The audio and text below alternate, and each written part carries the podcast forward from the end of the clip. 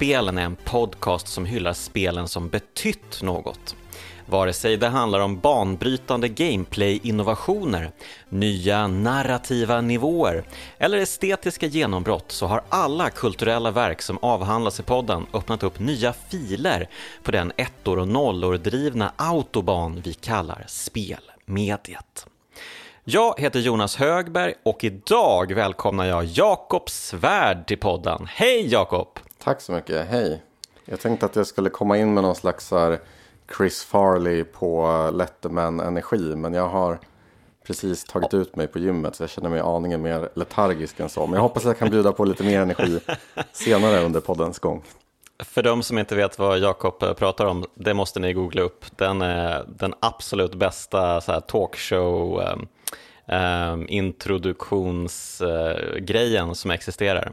Han springer väl ner för uh, den här gången i publiken och är helt bananas. Vilt fäktandes och skrikandes. Jag tror han till och med springer ut ur lokalen och kastar sig i en soptunna också. Så här, och så följer de med. Jag vet inte, det, glider ihop i minnet. Men bra. så roligt ska vi inte ha det här idag. Men vi ska ha det ännu roligare, eller? Ja, men det hoppas jag verkligen. Alla som medverkar i den här första säsongen av Kraftspelen har ju något gemensamt. Alla utom du. Du har aldrig skrivit för speltidningen Superplay. Varför sitter du här för? Det är ju, då vill jag bara tillägga att det är ju en teknikalitet. Jag har ju blivit publicerad i speltidningen Superplay. Ah, okej. Okay. En gång i tiden. Jag skrev och blev publicerad som så månadens brev. Och blev, mm. blev belönad med en spelkod som jag eh, fick, fick i mejlen från, vem var det nu då? Kan det vara Tommy Rydling kanske? Ah, okej, okay, vad roligt. Men var det innan eller efter bytet? Eh, åh gud, det här, jag var säkert, vadå? Vad kan det ha varit? Sju år? okay. när, när var det här i tiden? Liksom? Det måste ha varit typ 2003 kanske. Okej, okay. oj oj oj. All right. Uh, men, ja, men då var det precis innan kanske. Ja. men det stämmer, jag har ju inte, jag har aldrig skrivit för Superplay, men jag skrev för Men det är tidningen. ju perfekt, då har vi ju en läsares perspektiv. Ja, precis. Hö, hö. Nej, men jag har ju skrivit för eh, Svenska PC Gamer i massa år och sen så eh, skrev jag för Aftonbladet Spela en liten sväng. Mm. Och sen vart det väl några år level där också. Ja, men det viktiga är ju att det har alltid känts som att du skrev för Superplay. Jaha, okej, okay, det är mer än vad jag eh, har uppfattat. Ja, men det tycker jag verkligen. Du har ju samma typ av eh, sensibilitet som eh, många som skrivit för Superplay. Eh, ja, men eh, precis. Framförallt så hade ju du och jag en podcast tillsammans. Ja, det här är som liksom ett sent, sent kommet avsnitt av Efterspel som vi spelar in fyra mm. år för sent. Precis, det var en podd som ungefär levde i ett år, va, tror jag. Något sånt. Och det var säkert min, Något sånt. min, ja, det... min förtjänst att den somnade in också. Jag, jag eh, orkade inte hänga med i din enorma speltakt där. Du är ju en, en hardcore gamer som orkar plöja ett spel i veckan. Det gjorde inte riktigt jag. Ja, eh, ja, ibland orkar jag, ibland orkar jag inte. Men eh, nu, nu anstränger jag mig verkligen för kraftspelen. Eh, det är ju en hel del att spela och det är mycket storspel nu i september så det kommer bli riktigt tajt schema för mig. Mm. Men, men. Men vad bra att du gjorde din presentation själv där, så slipper jag gå in på det. Ja, för nu, är vi ju, nu delar jag ju eh, yrkesbeskrivning med dig. Eller jag är ju pensionerad från det här med spel. Ja. Spel, spelanalyser. Så det här... Vad gör du nu för tiden? ja, vad gör jag nu för tiden? eh, jag eh, sitter ganska mycket. Nej, jag, jag pluggar på universitetet. Och eh, ah. försöker gå promenader. Eh, läser böcker. Tittar på mm. tv. Okej. Okay. Men du tar dig tid lite då och då att spela ett gammalt spel också. Ja, jag hade, jag hade ett långt uppehåll faktiskt från, från uh, allt vad spel hette i säkert ett par år, tre år. Mm, uh, men så sen pass. så köpte jag uh, en sån här Xbox, vad heter de? Series X. X, One X, Series Xbox. Mm. Yes, och det äh, återupplivade ju mitt äh, spelintresse ganska äh, effektivt. Det är ju ja. underbart de här nya konsolerna. Att man slipper vänta på laddningstider och annat. Ja, visst är det. Mm. Oh. Det är ju faktiskt det bästa. Um, ja, och uh, apropå Xbox så ska vi prata om Xbox-spelet nummer ett. Verkligen. Halo Combat Evolved. Oj, oj, oj. Uh, ett av tidernas största storspel kanske. Uh, och ett av de kanske mest inflytelserika, får man väl säga. Um, ja, vilken, vilken resa den serien har haft. Den det kommer ju en sjätte del i år. Um, och den har väl inte alls samma betydelse som den en gång hade. Men, uh, Nej, man får väl säga att aktien har dalat rätt kraftigt. Liksom. Ja, precis. Men det Men, var ju för att de gjorde det perfekta FPSet med det första spelet. Ja, precis. Jag tänkte nästan säga det. Det var ju sjukt kul att spela om det här spelet. Mm. Uh, men jag tänker nästan så här på lite efterspelsmanér så kanske vi ska gå, gå gå in på liksom kontexten här och prata lite om utvecklingen av Halo. För det är ju flera av de här mm. designbesluten som sker där som liksom leder fram till eh, att det här spelet faktiskt blir så bra som det blir. Eh, mm. Och det är ju som så ofta i spelhistorien så, så man, det är lätt att tänka, liksom, eller jag tänker när jag, när jag spelar Halo så tänker jag så här, wow, eh, vad perfekt designat det är. Eh, det här måste någon ha haft en grand masterplan från början, liksom, från början till slut. Eh, mm. Och genomfört. Men när man läser om utvecklingen av Halo idag eh, så inser man ju eh, ögonblickligen nästan att det här var ju en jävla röra till spelutveckling. Vi kanske kan gå in lite närmare på den.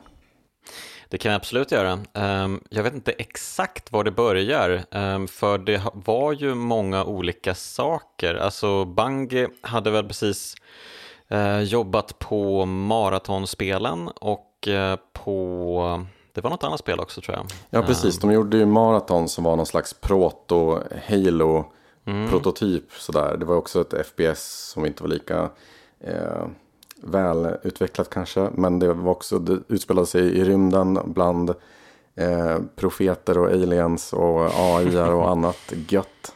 Eh, yes. Ehm, Kom väl typ nästan i Dooms svallvågor också. Väldigt, ja, det eh, första kom väl 93 tror jag. Ja, väldigt tidigt. Mm. Ehm, så kanske inte jättespelbart idag, absolut. Men eh, sen så bestämde de sig för att göra ett eh, strategispel, eller hur var det? Myth. Mm. Precis, så de gjorde till och med inte bara ett myth utan två myth. Jag tror från början var det liksom att skapa en, en naturlig fortsättning på den där marathon-serien då. För man gjorde ju två marathon FPS-spel som, som gick väl relativt bra liksom. Mm. Eh, men sen så skrotades det där ganska omgående. Eh, men då experimenterade i alla fall någon av de här grundarna med en ny spelmotor som man eh, inledningsvis försökte göra ett FPS av och så efter bara några veckor eller någon månad så, där, så, så skrotade man det. Eh, till förmån för att man ville skapa någon slags strategispel. För att den här motorn man utvecklade då, eller den här tekniken man utvecklade efter Myth.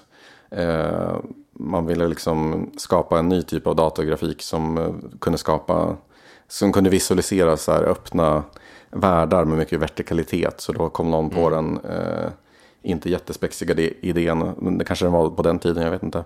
Eh, att skapa någon slags så här tankspel. Alltså att man åker runt i bandvagnar och skjuter på varandra. Eh, ja, okej. Okay.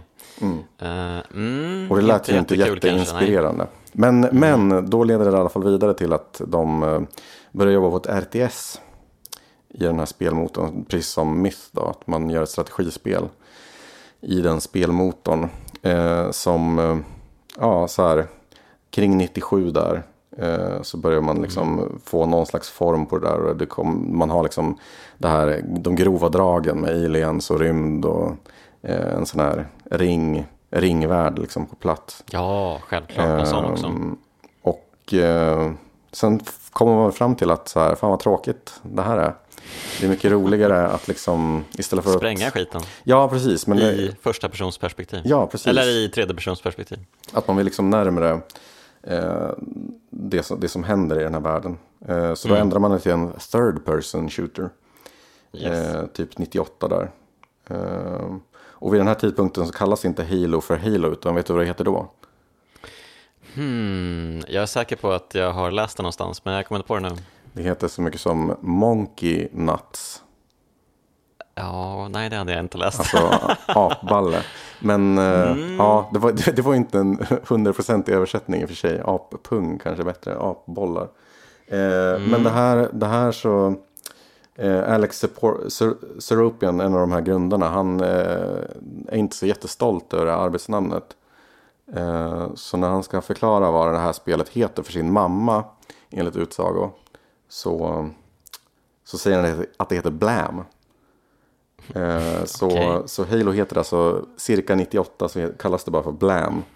Ehm, Och det är väl i den svängen. Det går ganska knakigt för Bungie. De lever på försäljningssiffrorna från Myth. Och eh, har inte mycket till spel att visa upp. Eh, men då pitchar eh, vicepresidenten på Bungie spelet till en annan kar som vi känner som Steve Jobs på Apple. Just det. Och var det på Macworld eller? Precis, det, det utannonserades, spelet, utan, spelet Halo utannonserades första gången 99 i New York på en sån där eh, Macworld-konferens. Då.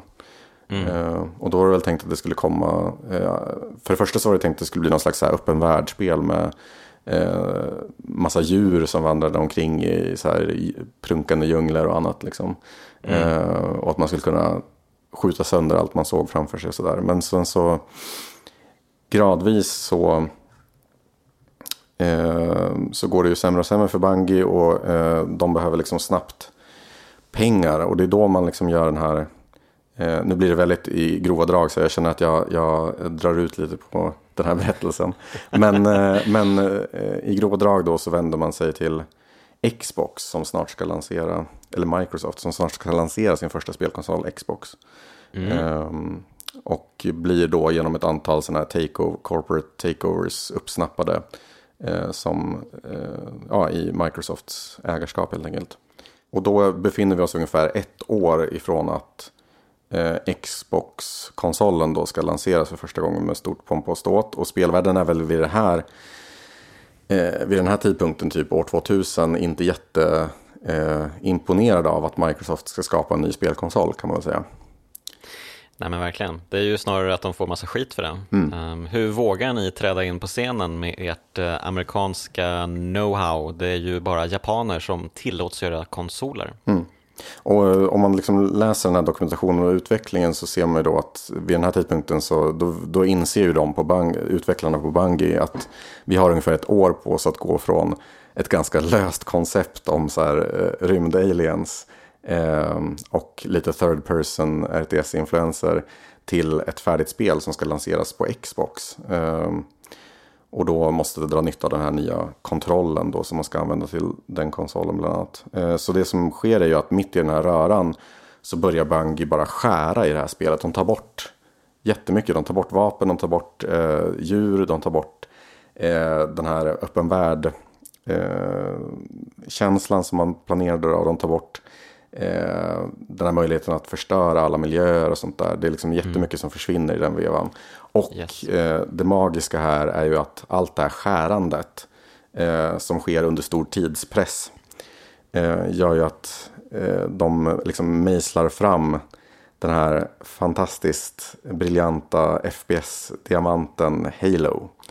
Som, eh, mm, Precis, och de mejslar väl också fram eh, mästerchefen i det här skedet. Han eh, hade väl inte varit en särskilt eh, utmejslad karaktär överhuvudtaget. Han varit lite så här eh, löst i kanterna att de kanske ska ha eh, den här snubben i huvudrollen men ah, det kanske kan vara vem som helst egentligen, vilken marine som helst. ja, precis. Han kallades väl bara för typ cyborgen tror jag i de här arbetsprototyperna. Ja men precis, och det hände ju jättemycket bara sista månaderna har jag förstått. Det var ju liksom helt, eh, alltså den crunchen måste ju varit helt sjuk med tanke på att de liksom revampade hela spelet med allt möjligt uh, grejs där. Ehm, ja, sjukt imponerande. Ja, och bara för att återknyta till, till min inledning där så, så kan man ju säga att här, den här tanken om att det alltid finns en så här, när någonting blir så här bra som Halo blev, att det finns liksom en, en, en klar och tydlig eh, tråd liksom från punkt A till punkt B till punkt C. Den mm. verkar ju inte riktigt stämma utan det verkar ju ha varit det är klart att det funnits, fanns starka viljor på, på Bungie som ville bevisa någonting med det här spelet. Men jag tror också att, det, eh, att delar av dess briljans liksom växte fram ur någon slags här, eh, kreativ torktumlare kanske. Mm. Ja, det, det kan vara ett sätt som funkar också, Kids. Eh, men om vi ska ta ett annat grepp på det här. Vad kände du när du spelade Halo första gången? Blev du lika golvad som många andra? Ja, det blev jag väl. Jag var ju ganska så ung när jag spelade första gången. Eh, som man då gör ofta eh, hemma hos kompisar i små portioner. Liksom, när man mm. själv inte har råd med en Xbox. Ehm, så det var väl där jag spelade det för första gången. Liksom I sådana här små brottstycken efter eftermiddagarna i skolan så gick man hem till någon. Eh, och turades om med den där kontrollen och liksom ta sig igenom en eller två banor. Ehm, så jag fick ju då ingen, ingen större chans att liksom se eh, helheten som man kanske har gjort på senare år. Men mm. eh, jag minns att det var mycket med det här spelet som, som kändes annorlunda och som så här... Mm. Alltså, och då talar, jag, då talar jag inte om den här liksom, eh, världen som det utspelas i eller storyn eller eh, liksom Master Chief i sig. Utan mer om designen på spelet. För mm. eh, så som jag ser det så är det liksom det första Halo, det som gör det så bra, det är att det inte är lika mycket eh, en så här påkostad shooter som att det är en superrolig, ett superroligt pusselspel med vapen liksom. Mm. Um, Absolut, du har ju helt rätt. Det är ju, det är ju liksom spelmekaniken och striderna och um, själva världsbygget. Um, alla de fantastiskt fina öppna banorna som gör spelet till den blockbuster det är än idag. Jag tänkte precis såga de stora öppna banorna. Men, okay, ja. Jag tänkte ju såga de uh, väldigt uh, trånga banorna. Ja, okay. Men det är bra, ja. då har vi något att uh, beefa om. Perfekt. Ja, för så som jag ser i alla fall, alltså jag försökte spalta upp här vad det är som gör Halo.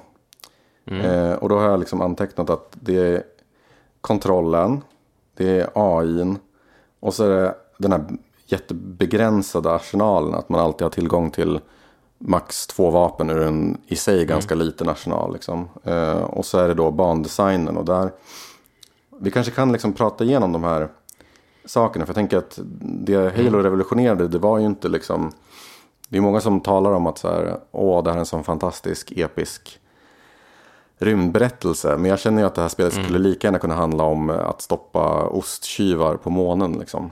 Mm. Eh. Absolut, men jag tänkte jag kan ändå dra igenom handlingen lite ja, snabbt bara. Det, för att man kommer ju ändå komma in på vissa saker som ändå har med handlingen att göra.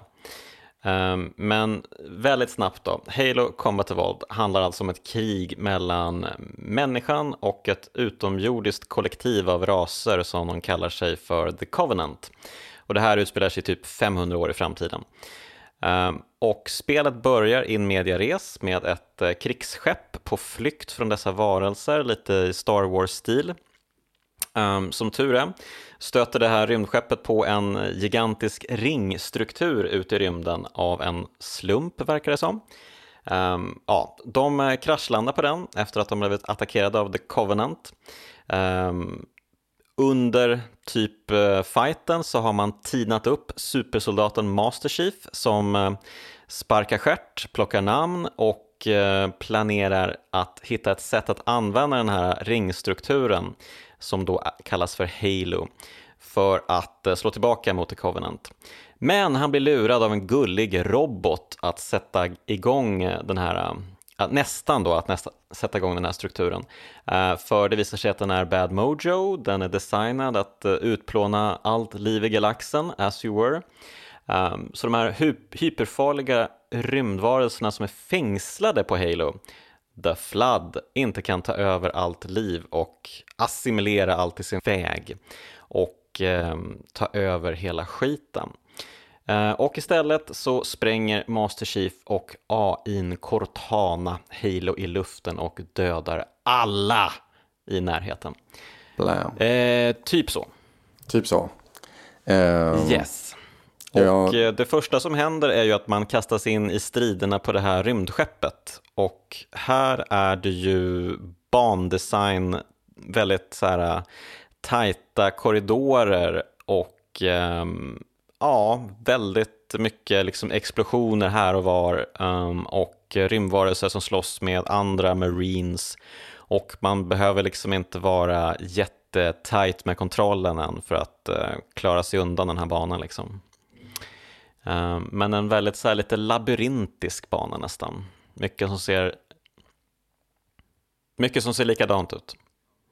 Ja, verkligen. Och det där återkommer genom hela spelet sen egentligen. Och det, eh, det var ju någonting som var ett resultat av den här röran också inför lanseringen. Att eh, det, var någon av designerserna, jag minns inte vad han heter, om han heter Leto, någonting sånt. Eh, föreslog ju det att man skulle återanvända eh, kartor för att man helt enkelt inte hade tillräckligt många eh, kartdelar för att täcka hela kampanjen. Mm. Och det är ju många som i modern tid hävdar att liksom, den där delen av Halo, de återupprepande korridorerna, du vet så här, mm. när man springer och det är så här lysande pilar i golvet. Ja, The Library. Ja, eh, det är ju någonting som har kritiserats idag som liksom så dålig bandesign. Men jag tycker som sagt att de här tajta banorna som är lite så agnostiska, så det spelar egentligen ingen roll eh, var de här banorna utspelar sig eller var, var, var, man är någonstans. Utan allt som spelar någon roll är ju de här... Hur ska man beskriva liksom, gameplay-loopen i Halo? Det är väl lite som så här, det är någon slags avancerad sten, sax, påse slash schack eh, i realtid mm. eh, variant liksom. Förstår du vad jag menar? Ja, absolut. Man eh, skjuter på fienden, man blir skjuten på, man kastar sig bakom ett skydd, man låter skölden ladda upp igen, man tänker, ska jag attackera, typ springa runt bakifrån? Ska jag lobba en granat? Um, vad, kan jag liksom, vad har jag att bolla med? Och det är ganska mycket egentligen man har att bolla med. Mm. Samtidigt, um, samtidigt, som de här liksom, eh, vapnen, där man är begränsad till två vapen, man har ju Eh, alltså om man jämför med moderna shooters idag, typ så här, jag vet inte, Doom 2016 eller Doom Eternal eller någonting som har släppts idag så har man ju liksom, där har man ju ofta så här 14 olika vapen som man kan växla mellan fritt mellan liksom. Mm. Och där eh, ju större mm. vapen du har eh, desto mer skada gör det och mm. desto mer använder du det. Men här är det verkligen så att varje vapen fyller ju sin, sin specifika roll liksom. Ja, absolut. Eh, jag tänkte väl mest på de eh, taktiska möjligheterna. Mm, de är ju mm. ändlösa tycker jag ehm, i den fina bandesignen och eh, de många möjligheter som finns där. Mm. Men det är ju som du säger, de har ju typ, vad kan det vara, sex, sju vapen bara. Mm. Ehm, så man, man plockar ju upp utomjordingarnas vapen. Människorna har väl typ tre vapen. Det är väl assault rifle, pistolen och raketkastaren. Är det något mer? Snipergeväret va? Ja, snipergeväret, precis. Som typ aldrig dyker upp. Nej, det är väl i vilken bana är det det dyker upp Det är väl den här The Truth and Reconciliation, va? Eller? Ja, den är väl med på någon tidig bana också, men sen försvinner den ett ganska långt tag och så kommer den sen. Mm. Så den är lite underutnyttjad kanske. Mm. Men eh, utomjordingarnas vapen, de måste man ju plocka upp för man får ju slut på eh, människoammunition människovapens ammunition. Ehm, så att man måste ju plocka upp eh, utomjordingarnas vapen och lära sig bemästra dem och var man ska använda dem. Mm. Ehm, den här um, sakta uppladdningsskottet, vad kallar man det för? Laserpistolen? Det är väl plasmapistolen? Um, plasmapistolen, precis.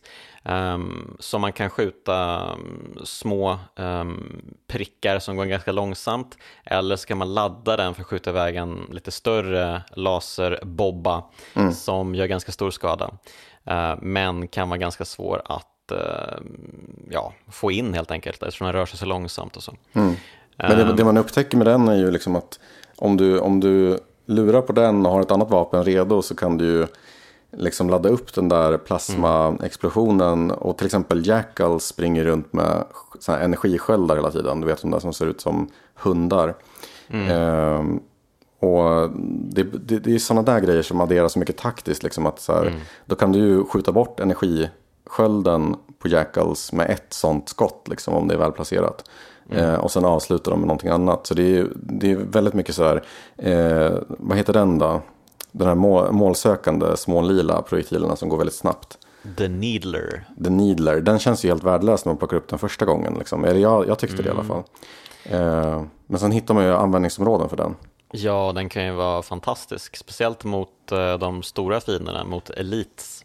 Eh, mm. Är den ju magisk tycker jag. Mm. Um, och uh, det ska väl ändå sägas att det har ju skrivits uh, hela liksom uppskattningsartiklar, alltså hela artiklar bara om pistolen. Mm. Um, de, folk älskar pistolen i Halo. Det måste väl sägas att den är otroligt bra också och att den kanske är den allra bästa pistolen i alla tv-spel någonsin. Um, den är ju helt otrolig, vilken känsla det är Um, och den är så fruktansvärt grym. Alltså det känns ju som att ha en Magnum snarare än en vanlig pistol. Ja, och för jag tror att det fanns någon slags tanke med det där. För det var också ett, återigen ett resultat av den där jävla röran Bungie befann sig i. Att de mm. skruvade ju på den här pistolen in i det sista tydligen. Uh, och det var, fanns väl någon poäng där med att liksom... Uh, Ja, men att man skulle frångå det där att, att man plockar upp ett nytt vapen som man sedan använder resten av spelet. Utan att liksom pistolen skulle ha en roll att spela även på de sista banorna. Liksom. Ja, precis. Um, ja, och samtidigt Assault Rifle känns ju väldigt mesig i jämförelse med typ allt annat tycker jag. Ja, um, fruktansvärt vapen. Ja, precis. Den undviker man ju så mycket man bara kan. Um, även om man har 60 kulor i den så ryker de ju direkt. Det känns som att man inte har skjutit någonting knappt. Mm. Um, så den känns ju snarare som en vanlig pistol, alltså ett vanligt uh, eh, FPS-spel. Um, ehm, ett vapen man helst bara kastar bort. Mm. Men uh, ja, och det är ju inte bara uh, skjutvapnen, alltså granaterna är ju grymma verkligen. Det är ju ett det är ju, det är ju en, men det är väl det man kan prata om med den här sten, sax, påse metodiken också. Eh, granaterna är ju verkligen, känns ju som en egen eh, tredjedel av eh, Halo. Hur man verkligen. använder dem och hur man liksom, eh, man kan bygga taktiska eh, val i nuet. Liksom. Man kastar en granat, man kan ta sig någonstans medan de aktar sig för den, springer iväg, kastar sig undan. Um, eller så kan man springa efter den, in i dem och uh, alltså det finns så mycket. Med, och så sticky grenades, de är ju så fantastiskt roliga. uh, Förutom när de fäster på en själv. Ja, det är sant. Det är sant.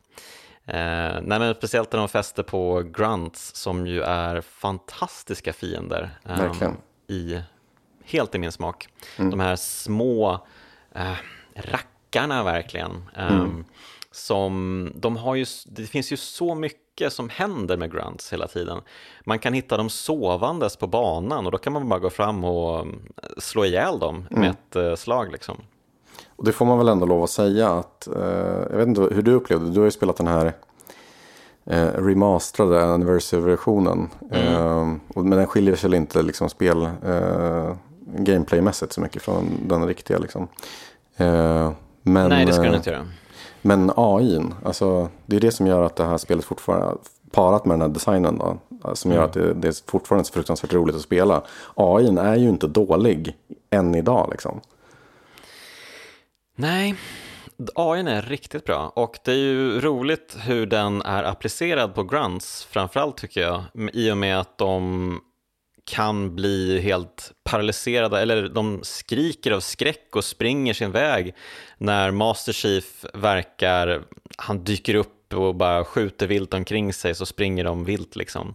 Men ibland så kan de få ta mod till sig när de har liksom andra trupper med sig mm. och bli riktigt eh, jobbiga fiender. För det är ju de som kastar sticky grenades eh, och har en needler också som backup. Så det är ju en perfekt kombo nästan för dem. Precis, man blir av med skölden och sen blir man målsökt. Exakt. Ja, det är fruktansvärt. Och sen när de paras med de andra fiendesorterna, Jackal och Elite, det, då, ja, då är det ju verkligen nästan helt perfekta taktiska strider. Mm. Men jag tänker, det, det är just det där som, som liksom alla de där begränsningarna parat med den här fantastiska AI som känns ju, den känns ju på riktigt eh, liksom lite beräknande och ganska så levande även 2021. Nu är det 20 år sedan nästan på pricken som spelet släpptes. Men det känns ju fortfarande som att det här eh, man kan liksom försvinna in några sekunder i, i, den, här, i den där eh, konstiga världen och tänka att liksom så här, jag spelar inte mot bottar, liksom, jag spelar inte mot eh, speldesignernas avsikter utan jag spelar mot liksom, de här eh, ganska jävliga eh, rackarna som du eh, kallade dem. Ja, precis. Uh, nej men de är, de är så himla härliga. Det är så mycket, um, det är inte bara det här uh, taktiska djupet utan de har så mycket karaktär och personlighet. Mm -hmm. När de springer så här och är rädda liksom och så här viftar med armarna. Ja, det är nästan att man inte vill skjuta dem. uh, det drabbar ju liksom någon del av människohjärnan som är ändå så här beskyddande på något sätt mot små varelser som är rädda liksom. Man bara nej, det här känns ju helt apart. Varför ska jag skjuta den här stackaren för? Mm. Uh, men det kanske bara är en ondsint plan. De mm. lockar mig att springa efter och sen så dyker upp en elit runt hörnet och uh, mosar mig. Um, så det, det känns uh, så otroligt smart uttänkt, alla de här små detaljerna i Halo. Mm. Och där, där verkar de ju ha tänkt eh, mer än vad de kanske gjort på vissa eh, inslag. Jag läste om en intervju med, med någon sån här AI-programmerare som jobbade på det första Halo. Mm. Eh, och han menar ju att, man, att de var eh, influerade av så evolutionsteori om eh, olika sådana här primal games som människor sysslar med liksom, eh, som varelser. Eh, typ, mm. hi, vad säger man, hide and seek, eh, kurragömma. Eh, ja, ett antal sådana här jaktinstinkter som man för, försöker appellera på med den här AI. Liksom. Och det tycker jag mm. verkligen man lyckas med faktiskt. Mm, mm. Ja, jag förstår det. Um, när man möter Elites till exempel så man fokuserar nästan alltid på att försöka um, döda eliten först, även om det springer omkring små grunts runt omkring. Liksom. Mm. Så man tänker att de är inte så farliga egentligen. Mm. Uh, men det är inte alltid rätt medicin till alla fighter. Liksom. Man måste, måste väga alla, alla strider var och en för sig tycker jag. Mm. Um, det är viktigt utifrån bandesignen, utifrån vertikaliteten som är väldigt viktig i Halo också. Mm. Um, och det är också värt att prata om hur mycket de använder höjder och um, liksom strukturer och um, vanliga naturliga höjder i uh, bandesignen mm. som ett sätt att um, get the upper hand på uh, fiender och det finns, um, jag vet att du, du inte är så impad av de öppna ytorna men um, jag tycker att de använder de öppna ytorna så bra i de första banorna. Det är ju mina favoritbanor måste jag ändå säga. Mm, mm. Uh, när de har precis kommit ner på Halo och man är i de här lummiga, fina uh, stränderna och de intilläggande um, mysiga skogarna och öppna ytorna, kullarna och allt det här. Mm. Uh, men i allt det här så ligger ju liksom små banor utlagda uh, mitt emellan allting, när man reser mellan allting. Um, så kommer man ju till olika sektioner där de ändå har jobbat jättemycket med just det här. Det finns en sektion där banan känns som att man springer runt på svampar, jättestora svampar. Um, och så kan man dels springa um, uppe på mm. svamparna och skjuta ner på fiender som springer runt mellan um, svamparna i olika höjd och sådär. Och så kan man ju springa runt där nere mellan alla de här små krokarna um, och stammarna um, och massa kurragömma-strider där samtidigt som man kan ta sig upp ovanför och få överblick på allting samtidigt. Mm. Um, det är så jävla snyggt gjort alltså. Mm. Nej men och, återigen för att liksom så här kontextualisera det här på något sätt. Om man ser det som att eh, om man tittar på liksom den, det, det sammanhanget som Halo släpptes i så det, det blir ganska hisnande att tänka sig att, att eh, Wolfenstein 3D som eh, brukligt brukar liksom attribueras eh, som, som uppfinnare av den här genren. Eller åtminstone uppfinnare av den här formen för den här genren. Det släpptes liksom 92. Eller hur? Mm. Och sen har vi ju liksom ett, en radda sådana här spel på bara några år som kommer. Doom, Half-Life, Goldeneye, Perfect Dark. Alla de här spelarna är ju på något sätt så här försök att, att eh, realisera eh, den här idén som, som man postulerar i, i Wolfenstein 3D. Men det är ju först med Halo som, eller så, så, som jag ser i alla fall, att man, att man lyckas förfina det här eh, mm. på så många nivåer. Liksom, till, till, det blir på något sätt ett färdigt koncept i Halo. Ja, värt att säga är ju också att det är ju kanske det första konsolspelet just där man använder två analoga spakar för att styra allting som verkligen funkar um, 100%. Uh, när man går tillbaka till Goldeneye och uh, Perfect Dark som ju släpptes till Nintendo 64 um, ehm, så är det ju väldigt knasig uh, användande av uh, två spakar. Um, ja, precis. Och... Jag hade faktiskt tänkt ta upp det, just det där med Goldeneye, för det är en ganska rolig eh, mm. eh, funktion som jag inte visste om innan jag liksom läste på om det här. Ja, kör du. Ja, nej, men det finns ju en alternativ då, och det här är ju Goldeneye, det släpps när då? 96? 97? Ja, 97 tror jag. 97. Eh, så det har ju bara gått liksom fem år sedan Wolfenstein 3D släpptes och man började så smått experimentera med jag, jag, jag försökte liksom spåra och hitta vilket det verkligen det första spelet som experimenterade med två sådana här tumspakar eller analoga mm, styrspakar var eh, det första FPSet. Eh, och det är väl eh, Goldeneye har ju det här som ett alternativt styrsätt och du kan ta två Nintendo 64-kontroller och lägga dem i knät för att använda då två, två spakar för det här. Och det ska tydligen fungera rätt bra liksom, men det var ju en, eh, hur många spelade Goldeneye 97 och liksom visste att det där ens gick att göra. Det inte. gjorde inte jag kanske. Nej, inte jag heller. Mm. Eh, men det är liksom... Eh, det, går, det går nio år från Wolfenstein 3D till Halo. Och det går mm. fem år från Wolfenstein 3D till Goldeneye. Och sen går det vadå, eh, fyra år från Goldeneye när man sitter med två handkontroller i varsitt knä. Eh, mm. Till Halo. Det är ju, liksom, det är ju en, ett avgörande hopp. Tekniskt hopp. Ja, och mycket är ju tack vare Xbox-kontrollen också att mm. hoppet mm. går att göra. Mm. Uh, men verkligen, det är ju, det går ju att styra Master Chief. Alltså det känns ju lika bra idag som det kändes då. Mm. Fortfarande. Det har ju en uh, omspelningsbarhet som Goldeneye definitivt inte har. Ja, eller för den delen de senare Halo-spelen. ja, okej. Okay på vad, är det för... som, eh, vad är det som, eh, ja, vad är det som gör det pivd med dem? Nej men eh, för, för, eh, efter första Halo så, så då visar ju Bungie på något sätt att de inte förstår riktigt eh, vad som gör eh, Halo Combat Evolved så himla, så himla bra. Eh, det är just de här begränsningarna, den här liksom knivskarpa precisionen i liksom designen. Att man bara har de här mm. eh, ganska, ganska sparsmakade arsenalen, eh, en jättesmart AI, ett par fiender. För sen börjar man ju, redan i tvåan, eh, så börjar man ju växla upp med mer och mer så här, eh, såna här osttjuvar på månen story, eh, mm. ingredienser, fler vapen, större kartor. Och det är liksom, jag tänker att kampanjaktien har ju verkligen, den är bara det kanske var någon liten peak i trean eller reach där sådär. Men, men annars har den ju verkligen gått ner sen första spelet. Samtidigt som mm. multiplayer-komponenten av Halo.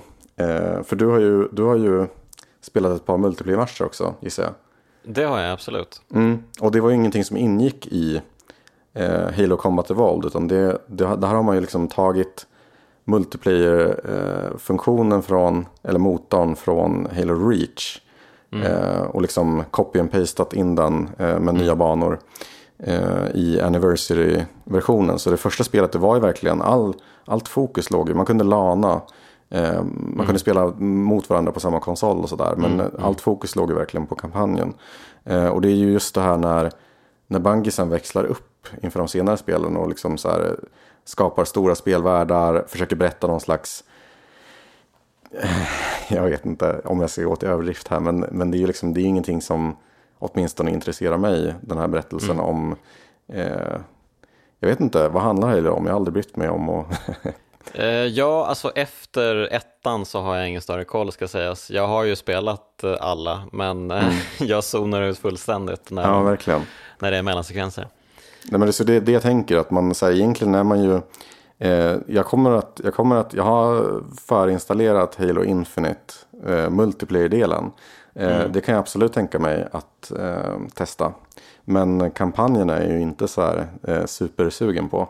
För mm. att jag vet ju att den eh, med största sannolikhet, vis av erfarenhet, så vet jag att den antagligen inte kommer vara lika rolig mm. som Halo Combat Evolved. Och inte minst nu när de utannonserade i veckan såg jag att de inte ens kommer att ha med någon sån här co-op mm. funktionalitet. Precis, co-op är ju en sån himla stor del av Halo alltså. Mm, verkligen. Um, nu har jag ju dragit igenom kampanjen uh, själv då, uh, men jag har ju en gång i tiden spelat i co-op och det är ju en magisk upplevelse verkligen.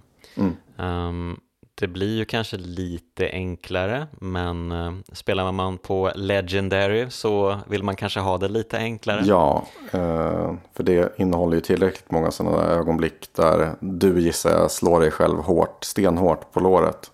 Ändå. Ja, du, du minns uh, fortfarande mina kära Donkey Kong Country 2-minnen där. Mm. Yes. ja, precis. Så, så kan det lätt bli. Um, och man dör ju ganska ofta i Halo Combat Evolved om man spelar på Heroic eller Legendary. Mm. Det är ju väldigt svåra spel stundtals. Mm. Men det, det, ja, det, är ju, det gör ju det ganska roligt också. För det, det, känns ju verkligen som att man sitter och spelar typ nästan vid ett så arkadkabinett, du vet. Mm. Uh, ja, men det, det, finns någon slags så här, Eh, grundläggande design där som är lite så här att Eh, jag bryr mig inte riktigt om var i kampanjen jag är. Utan det är allt som spelar roll är de här 30 sekunderna eller en minut eh, som, som kommer här. Liksom. Och, eh, det, det, är fortfarande så här svårt. Eh, det var det jag skulle, skulle försöka liksom kontrastera. Typ Doom. Alltså många säger att Half-Life kanske är liksom den här förfinade FPS-upplevelsen. Att det var där det liksom moderniserades den genren. Men Half-Life var ju fortfarande ett spel där man på något vis kunde liksom spela en bana och så vet man ungefär var fienden stod. Eh, och så fanns hälsopaketen på ungefär samma ställen och så vidare. Så det här taktiska elementet som kom med den återuppladdade skölden och att AI stundtals är ganska oberäknelig i Halo. Det gör ju att man hela tiden eh, bara kan spela en ny eh, sån här liten sekvens där man möter tre, fyra fiender. Ungefär som man eh, bara kan mata in ett nytt mynt i en arkadkabinett eller spela en till omgång Tetris liksom. Jo, um, jo, vi kan ju prata om uh, alla fordon i spelet, för det var ju också mm. en revolution. Um, att uh, man helt plötsligt kunde åka ganska fritt med uh, ja, men dels en ganska trist uh, människo jeep får man väl säga att det är. Um, så man kan ta sig runt um, och kontrollera uh, lite sådär halvbra skulle jag säga. Eh, jag är inte jätteförtjust i eh, kontrollen för fordonen. Ehm, men det blir ju otroligt roligt när man får sno eh, The Covenants fordon. Um, Ghost mm. och Banshee, den här flygande rackaren. Och faktiskt får utforska vertikaliteten också. Otroligt mm. spännande. Mm. Och ehm, ja, verkligen, jag minns, det minns jag från när jag spelade Halo första gången, hur, ehm, mm. ja, men hur knockad det fick mig att kännas. Det var ju helt otroligt att man kunde bege sig uppåt, att det fanns saker att utforska ens där uppe, att de hade liksom placerat delar av nivån på ställen som man var tvungen att nå med eh, en Banshee. Um, helt otroligt. Mm. Um, så um, ja, och de, de funkar också ganska bra att kontrollera. Ja, och det, det, det tänker jag också är en, eh, någonting som man kan attribuera till den här grymma fysikmotorn. För det finns ju någon slags så här, eh, det är någon slags så här overklig fysik i hela det här spelet, eller hur? Det, det är ja, väldigt låg precis. gravitation. Man kan ju hoppa väldigt bra. Um, och eh, mm. hoppen blir en ganska stor del också av striderna. Man kan ju hoppa över fiender och skjuta dem samtidigt. Och, eh, eller slänga en sticky grenade på dem. Um, så att, uh, det är jättekul och speciellt i multiplayer-striderna såklart. Precis, för sen finns det, det var ju också någonting, alltså, vi visste att det var det första spelet som lyckades liksom implementera två eh, analoga stickor på ett bra sätt i ett FPS. Men det var ju också så här, eh, de programmerarna som jobbade med att liksom dra nytta av den här Xbox-kontrollen till fullo.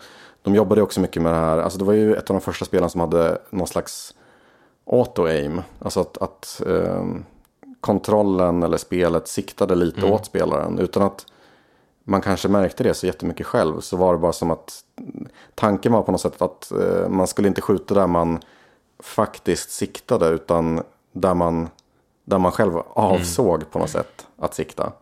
Eh, och det var ju väldigt eh, revolutionerande då.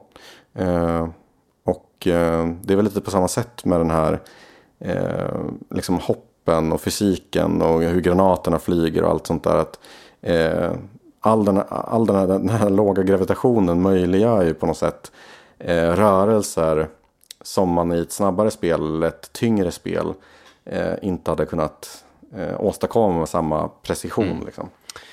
Ja, verkligen. Um, och um, det, um, alltså själva banorna är ju också, de är ju återkommande som vi var inne på. Uh, alltså att man man vänder på spelet eh, vid en viss tidpunkt, typ 75% in i spelet så backtrackar man ju tillbaka genom banorna. Um, mm. Men kanske på andra sätt. Uh, man kanske går på vissa ställen där man tidigare åkte med bil eller med Banshee eller någonting. Mm. Um, så det blir ju ändå en ny, ett nytt sätt att uppleva banorna på.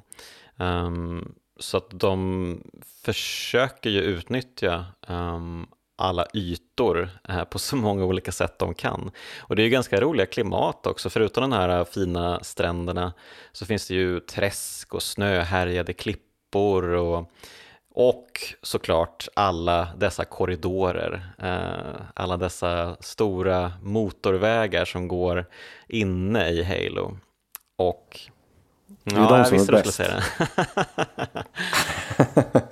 ja, men det är där på något sätt den här spelmekaniken blir så förfinad. För att det är så här, där skalar man bort allt det här eh, onödiga träskhoppandet. Och det blir bara liksom, det blir du, dina två vapen och de här tre fienderna som känns smarta liksom. Men vi kan vara olika ja, men, eh, Vissa delar är roliga. Um, det finns uh, en specifikt som jag tänker på som jag hade jättekul med när man ska över en bro um, och uh, man får ta kontroll över kanontorn och skjuta på andra sidan samtidigt som de skjuter på mig. Och så finns det då typ nästan alla typer av fiender utspridda över bron och på andra sidan och uh, de här du vet jätte jättefienderna som går runt med eh, typ bazookas eller vad det är för någonting. Är det den här Assault on Control Room? Det är mycket möjligt att det är det. Um, just, den, uh, just den sektionen var ju otroligt rolig tycker jag. Ja, det är väl typ samma bana där de introducerar de här alien-fordonen lite mer. Där man får möta tanken mm. och det. Precis, det är väl då man får kontrollera Banshee första gången tror jag. Mm. På den banan. Um, och det är väl där de tar sig in och eh, släpper lös The Flood eh, till slut.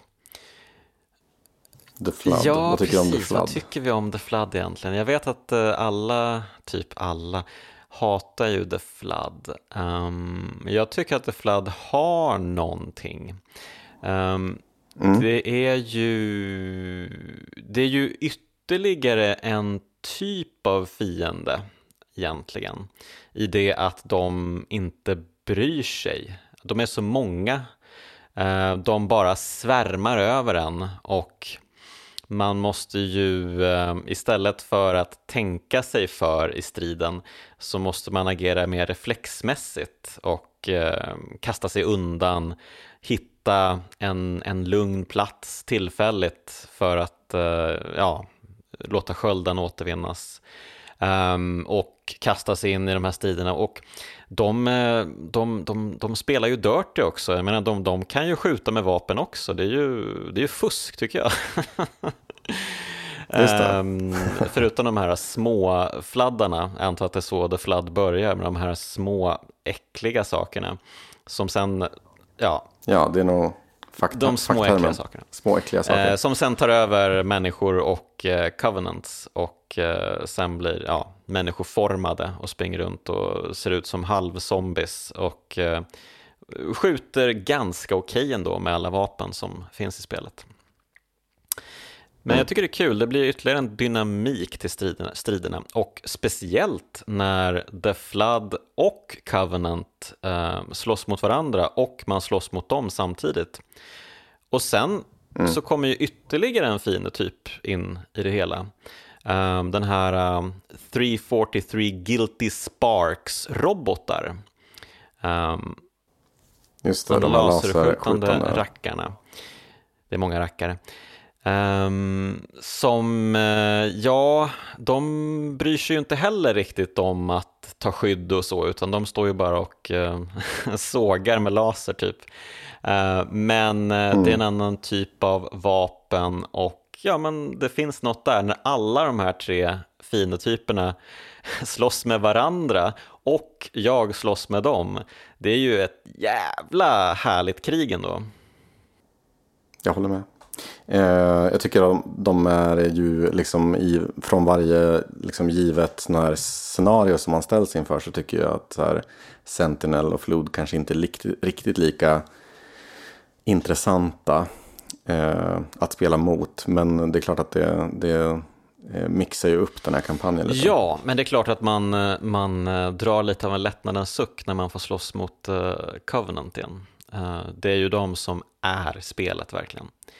Um, och det är kanske lite för mycket fladdstrider för min smak. Speciellt i The Library som ju är Ja men eh, det är ju faktiskt en riktigt tråkig bana. Det måste du väl ändå hålla med om eller? Det är, det är inte den banan man eh, vänder sig till när man ska spela Halo en kväll och bara så här. Det, alltså det, det, som är, det, som är, det som Microsoft har gjort bra på senare år det är ju verkligen där. Jag vet att Master Chief Collection, den här samlingen med alla spel, eh, den blev ju ganska så här hårt åtgången vid releasen för att den var buggig och sådär. Men man får väl ändå lov att säga att det är en så här spelarkivariskt slash eh, spelhistoriskt eh, utomordentlig gärning idag. Liksom. De har ju uppdaterat det där eh, in absurdum eh, med olika så här, vad ska man kalla det, Spel, spellistor.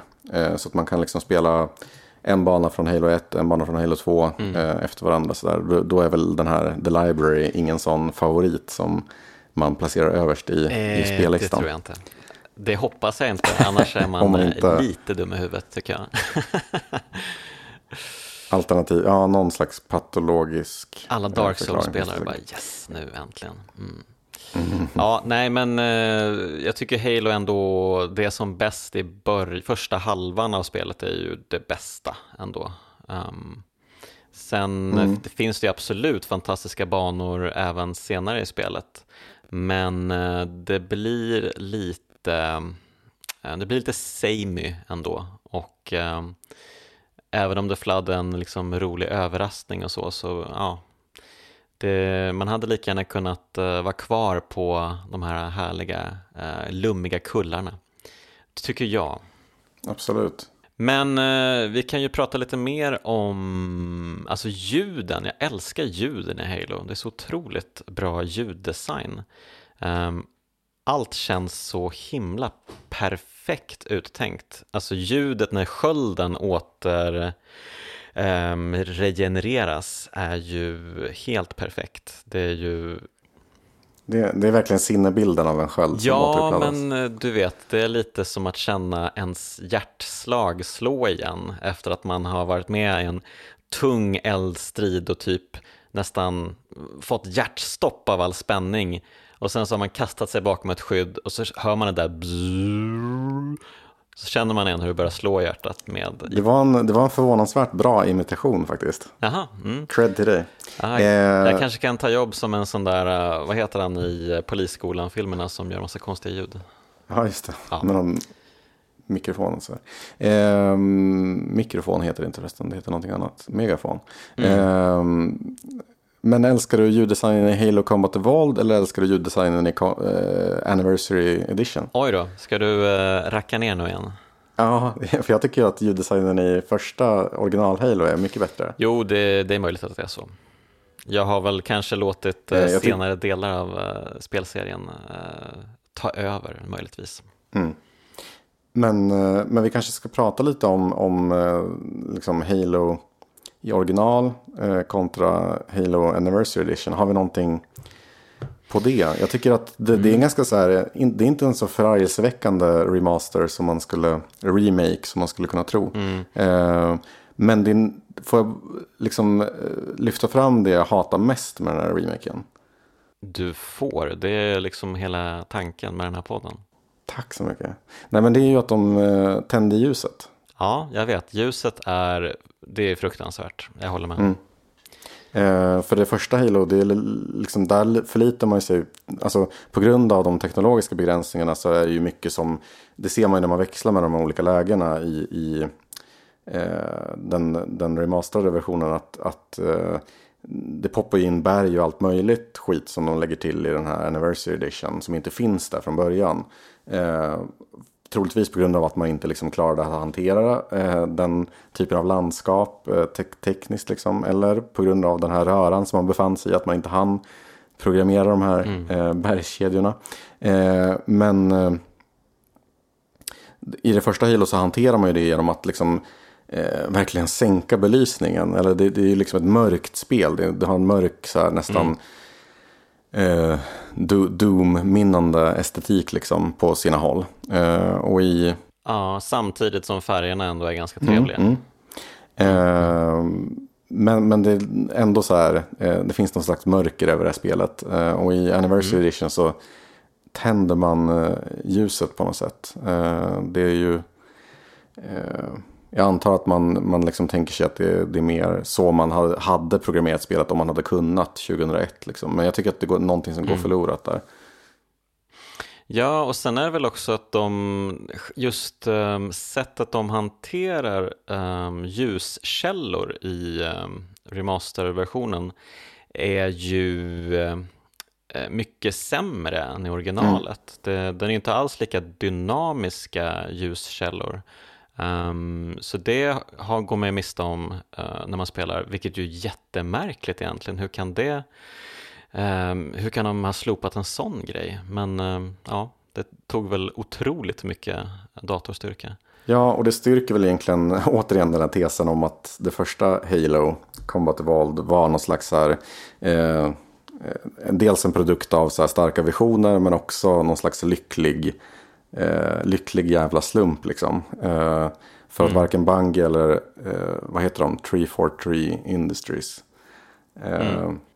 verkar ju riktigt liksom se, eh, se vad som gjorde Halo så bra eh, då med, vad kallar man det på brittiska, 2020 vision. Just det, klockren syn. Yes. Som vi säger på ren svenska. Ja, precis. Har vi klagat nog? Ja, ska vi gå tillbaka till hylla spelet kanske? Ja. Um, vad, alltså, eh, innan vi går vidare så måste jag ändå säga någonting om checkpoints i spelet. Mm. Um, för det var något jag, jag, eh, tänkte på ofta, hur spelet hanterar checkpoints. Um, det är ju dels när man dödat alla fiender på ett område, då får man en checkpoint. Men man kan ju få checkpoints om man tar sig bort från fienderna tillräckligt mycket uh, men ändå, alltså de är fort, man skjuter fortfarande mot dem så kan man få en checkpoint. Det känns som att uh, det är så många olika variabler i checkpointsystemet som liksom mm. lite krigar med varandra. Um, så man vet inte riktigt när kan det dyka upp en checkpoint. Det, ja, det är väldigt uh, oklart stundtals tycker jag. Mm. Um, ja, men det, det tänker jag hör ihop med det här just att det var designat från början som någon slags här, eh, RTS som man sen, alltså det, det märker man ju både på, på liksom de här eh, berättarmässiga ambitionen att det är ju många, alltså det är ju, även om man skulle vilja, även om man skulle vara intresserad av vad Halo handlar om så är det ju lite så här halvsvårt att hänga med mm. i, i berättelsen för att det är ju mycket så här, eh, okej, okay, där upphör banan och nu kommer en helt apart mellansekvens som man inte fattar så mycket av egentligen. Eh, Mm. Och det verkar ha varit lite liknande med det här checkpoint-systemet. jag tror jag upptäckte att man kan liksom springa tillbaka till områden man varit på tidigare. Mm. Eh, och få en ny checkpoint genom att liksom vända sig om. Eh, så att de har säkert placerat ut dem där ganska så här. Eh, här borde det vara en, här borde det vara en och så är de liksom kvar ja, där. Så att det går ju att missbruka checkpoint-systemet. Men jag tycker att det är ganska kul när det går att lura spelet eller när, man, mm. när spelutvecklarna tillåter en att uh, ja, um, rigga systemet lite åt sig själv. Mm. Um, så det, ja, men det är kul. Jo men verkligen, just det där att om man då tänker, att, tänker sig att de satt där sista året och liksom bara eh, jobbade som vansinniga för att få ihop någonting, någonting som var någonting på den där Xbox-skivan så, så kan man ju tänka sig att med ett sånt spel som ändå eh, nyttjar sig av så pass många system och har så många eh, öppna eh, sektioner så, så uppstår det ju liksom så här krockar i, eh, mellan, mellan det som är kodat och spelmakarnas intentioner. Där spelarna, eh, där man som spelare själv kan liksom få ett utrymme för eh, någon slags kreativ tolkning av designernas avsikter. Och det, det är absolut någonting som, som jag tänker på som det som gjorde Halo så speciellt. Liksom, att det, mm, mm. det uppstår eh, nya saker nästan varje gång. Vet du vad, jag kom på ett vapen till. Mm. Hagelbraket. Ja. Det kommer sent i spelet. Ja, den är väl eh, liksom strategiskt utströsslad för att ta hand om flod va? Ja, och den är väl så pass bra att man helst inte ska kunna använda den mot Covenant i början av spelet. Um, för att den, alltså då blir det för lätt allting. Mm. Um, så det är ju också en, ett snyggt designtänk. När det kommer skitmycket fiender då måste man ha liksom en, en ehm, man måste kunna skingra uh, den galna folkmassan med ett hagelbrak. Och ja, när det är Covenant och Flood och um, de här Sentinels så ja, varsågod, ta ett hagelbrak så kanske du klarar dig. Mm. Ja, fint. Bra där Bungie. Mycket bra. Men om vi ska gå in på rent konkret, vad är det som gör Halo till ett kraftspel? Mm. Nej, men då, då skulle jag eh, lyfta fram de här grejerna som jag redan eh, har nämnt där. Att det är liksom eh, den där... Eh, man säger triad när man har någonting som är tre, men här har vi fyra saker. Vad säger man då?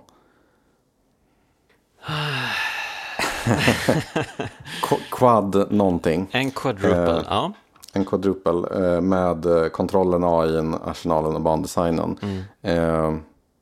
Det, är väl, det är väl det som jag skulle säga är liksom eh, hopkoket som gör Halo så bra. Som skapar de här eh, som skapar den här gameplay-loopen som man liksom egentligen så är det ju man spelar ju eh, igenom Halo och det händer ju egentligen inte supermycket nytt ur något slags här utzoomat perspektiv. Man mm. introduceras för nya fiender, några nya eh, fordon och sånt där. Men varje jävla strid känns ny. Mm. Och det attribuerar jag till, till de här fyra grejerna då. Eh, att man har en AI som är liksom levande och, och smart. Eh, kreativ. Liksom ibland så springer man ju runt fiender och liksom de eh, de tar beteckning för att ladda upp sin egen sköld och sånt där. Det är ju verkligen eh, någonting som, som eh, lever.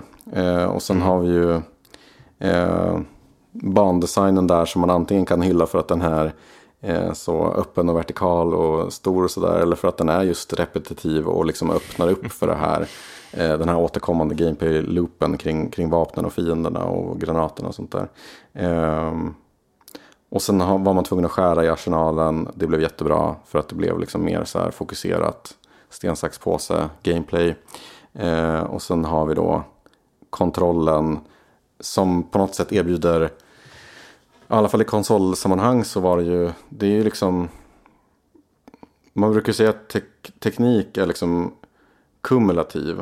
Eh, på det sättet att om någon uppfinner eh, hjulet så, så börjar alla använda det och sen bygger man vidare på den tekniken. Det finns liksom ingen idé eh, för mänskligheten att gå tillbaka till, jag vet inte vad som fanns innan hjul, fyrkantiga hjul kanske.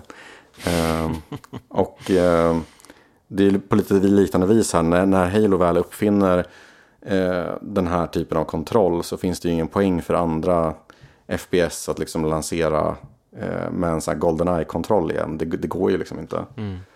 Men eh, alltså, vad föredrar du? Alltså långsamma konsolstrider eller snabba PC-strider? Eh, jag skulle nog ändå säga att jag på äldre dagar eh, föredrar de här lite liksom mer flytande konsolstriderna. Mm. För att jag, hänger, alltså jag har prövat några sådana PC-spel för ett antal år sedan som går väldigt snabbt. Sådär. Mm. Eh, Twitch shooters. Mm. Eh, och eh, jag hänger inte med. Mm. Du då? Eh, ja, men jag har ju alltid varit i det lägret. Um, jag har ju alltid varit en konsolkille. Um, så att jag spelade ju Goldeneye och Perfect Dark och sen när Halo kom så, ja, äntligen. mm. Nu, nu snackar vi. Um, och sen har jag inte tittat tillbaka helt enkelt. Um, det, ja, men det är just det att det, det finns ju, man hinner ju tänka i konsolstrider och det uppskattar jag väldigt mycket.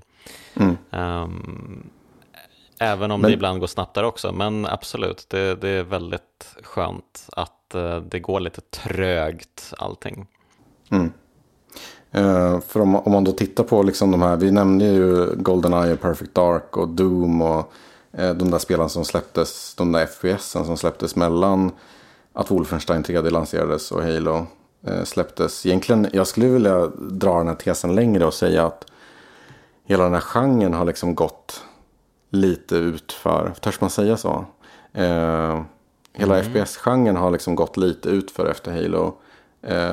Just på grund av att man har liksom i början när man släppte Quake, Quake har vi också. Mm. Uh, mm. Quake, Doom, uh, de här spelen så var de liksom så här konstruerade kring en ganska så här hård kärna uh, av så här vackert kalibrerad spelmekanik. Och sen har det, det enda som har hänt egentligen, visst det har hänt mycket saker, men, men vi har fått liksom fetare graffa. Visst, det kan man ju, det kan man ju ta, det, det sitter ju inte fel. vi har fått vi har fått mer, liksom, större arsenaler, större banor. Mm. Eh, det har blivit mer av väldigt mycket sånt som egentligen inte hade så mycket med de här spelens briljans att göra från början. Förstår du vad jag Ja, jag förstår absolut vad du menar. Och framförallt så har ju kampanjen blivit lite av en Um, ja men eh, det finns um, väldigt få spel som verkligen bygger kampanjen som mm. det man ska köpa spelet för. Alltså man fokuserar ju på multiplayer-striderna så otroligt mycket. Så att ehm, eh, titta bara på Titanfall 2s eh, demise som ju byggde en eh, grym kampanj men det sålde typ ingenting eh, mm. eftersom det inte är, det är inte intressant längre. Det var ju faktiskt ett bra FPS i och för sig i modern tid. Mm, ett av få. Ett av få. För nu är det väl sådana här live service-spel som, som var och varannan tjomme gamar på. Vad heter de? Fortnite och... Ja, visst. Usch. Uh, I hate them all. Apex Legends. Mm.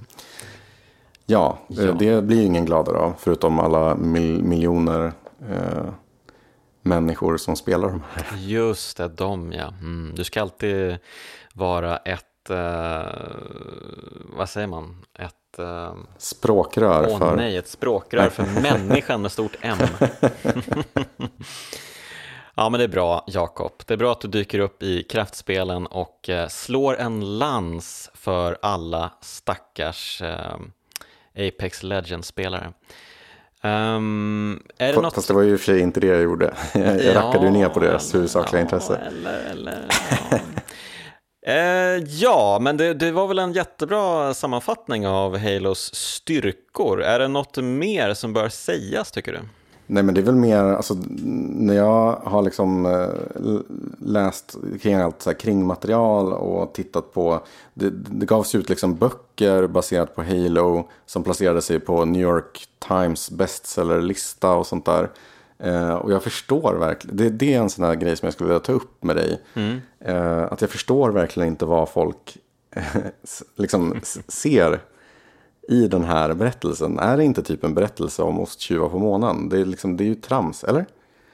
Osttjuvar på månen? Uh, ja, jag var tvungen att tänka efter lite. Ja, jo, det, jo, jo, jo, absolut, absolut. Jo, men det är trams, absolut. Uh, uh, det är väl bara det att eh, det var väl lite bättre berättad trams när det kom än vad folk var vana vid i tv-spelsammanhang. Eh, det, mm. det är ju en story som har en början och ett slut, Jakob, får du ju faktiskt uh, ge den. Um, och uh, det händer saker däremellan. Det är, det är de kraven man har på tv-spel? Ja, men jag tror det. jag tror det. Uh, nej, men uh, storyn är absolut uh, verkligen helt ointressant um, och karaktärerna är ju otroligt ointressanta. vem bryr sig om Master Chief och Cortana och deras relation? Mm. Um, men um, jo, jag kom på en sak jag faktiskt måste benämna, musiken. Mm. Uh, den är ju ändå är väldigt speciell. Um, den har ju Martin McDonald, han, det är ju han som gör ljudeffekterna också. Mm. Um, och uh, det, alltså, det är ju inte musik man är van vid att höra i den här typen av spel. Um, det är ju väldigt uh, low-key musik med storbandskänsla liksom. Ja, uh, precis. Och jag älskar ju att uh, musiken inte är konstant närvarande. det verkade verkligen vara en grej förr i tiden att man, ja men nu kan vi dra en liten låt här och sen så får du springa runt och skjuta i tystnad med bara grunsens skrik som följeslagare. Mm. Oj, nu blev det väldigt fett här. Ja, men då kan vi slänga på en låt. Okej, okay, varsågod. Oj, härligt, trevligt. Djungeltrummor, oj, oj, oj, nu händer det grejer. Mm. Um, ja, väldigt uh, snyggt. Um, användande av musiken också. Eh, ja, jag vet inte, jag, jag, jag, har inget emot musiken, men jag, jag tycker inte att den så här adderar supermycket heller. Eh, mm. Förlåt. det är okej. Okay. Eh, nej, men det är väl... Det är väl någon slags så här, eh, lite krypande stämning och att de så här orkestrerar det ganska bra ibland när de, när de liksom dundrar på med musiken i så här, vad som känns som exakt rätt ögonblick trots att eh, de här ögonblicken är nya varje gång. Liksom, eftersom ja. det är ett ganska fritt spel. Så. Mm. Men eh, det var ju en sån här funktion som man försökte eh, lansera tidigt. Och det var ju bland annat, jag tror det var när de visade upp det där eh, Halo-prototypen när Steve Jobs utannonserade, mm. om jag inte missminner mig, som Martin McDonald liksom hade stått in i det sista och, och spelat in den där eh, orkestermusiken som skulle komma liksom, på vissa ställen. Eh, och sen så flög han med den där CD-skivan med eh, liksom, masterversionen av soundtracket till den här visningen. Och så var det typ någon praktikant eller någon anställd som eh, enligt, enligt, eh, enligt legenden då, klev på den där CD-skivan så att den gick sönder. Mm. Eh, men han hade turligt nog en, en, spare. En spare. Okej. Okay. Hmm. Vilken tur att han hade sparen och att eh, praktikanten hade den egentliga eh, kopian. Verkligen. Mm. Ja, eh, där ser man vad som kan hända eh, ja, när man trampar i klaveret, helt klart. Mm -hmm. um, ja, men, uh, ja, men vi kanske ska börja runda av det här avsnittet av Kraftspelen helt enkelt. Um, det kan vi absolut göra. Det var roligt att vara tillbaka som uh, games-analytiker för en kväll ja, Jag tänkte dig, säga praktikant, men... Uh, mm. Jag praktiserar i den här podden. du, du är välkommen tillbaka när du vill, tänkte jag säga. Um, men det säger jag också. Ja, tack så mycket. Tack till Jakob för att han var min gäst och eh, tack till dig för att du lyssnat. Och än en gång tack till det fantastiska bitpopbandet 047 som gör musiken till kraftspelen. Ja, då säger vi Hallå då till Halo. Och så hörs vi igen nästa vecka.